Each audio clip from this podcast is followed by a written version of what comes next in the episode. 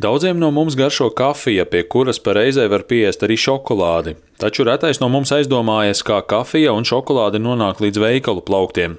Šos un vēl vairākus Eiropā populārus produktus ražo no izēvielām, kuras var iegūt tikai Dienvidamerikā, Āfrikā vai Dienvidaustrumāzijā. Bet lielu daļu šo izēvielu izaudzē lauksaimniecības zemē, kas ir iekopta pēdējos 30 gados intensīvi izcērtot mežus.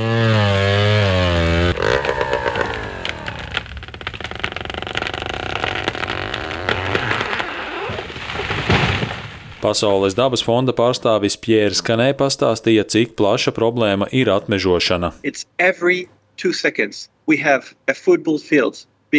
Visā pasaulē ik pēc divām sekundēm nocērt meža platību aptuveni viena futbola laukuma lielumā. Galvenais atmežošanas iemesls ir lauksaimniecība, lai varētu izaudzēt, piemēram, sojas pupiņas, kafijas pupiņas vai lielopus. Visi šie produkti ir saistīti ar mežu izciršanu, un pēdējos gados mēs esam pieredzējuši atmežošanas tempu pieaugumu tādās ar mežiem bagātās teritorijās kā Amazonas zemiene. Mežiem, un jo īpaši Amazonas lietus mežiem, ir liela nozīme cīņā pret klimata pārmaiņām un bioloģiskās daudzveidības saglabāšanā.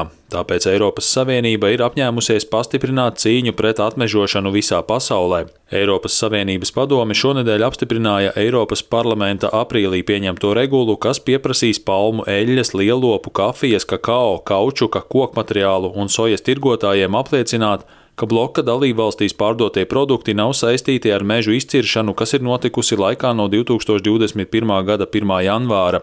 Šie noteikumi attieksies arī uz precēm, kas satur šos produktus, piemēram, šokolāde, sojas piens vai mēbeles.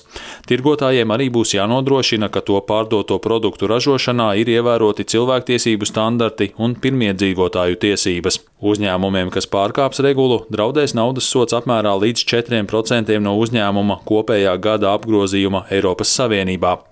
Viens no aktīvākajiem regulas aizstāvjiem Eiropas parlamentā bija deputāts Kristofs Hansens no Eiropas Tautas partijas frakcijas.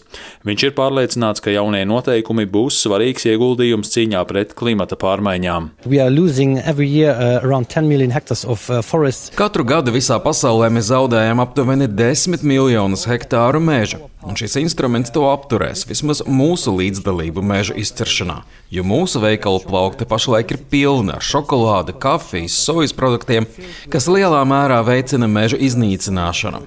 Tie ir aptuveni 10% no šiem 10 miljoniem gadā. Uh,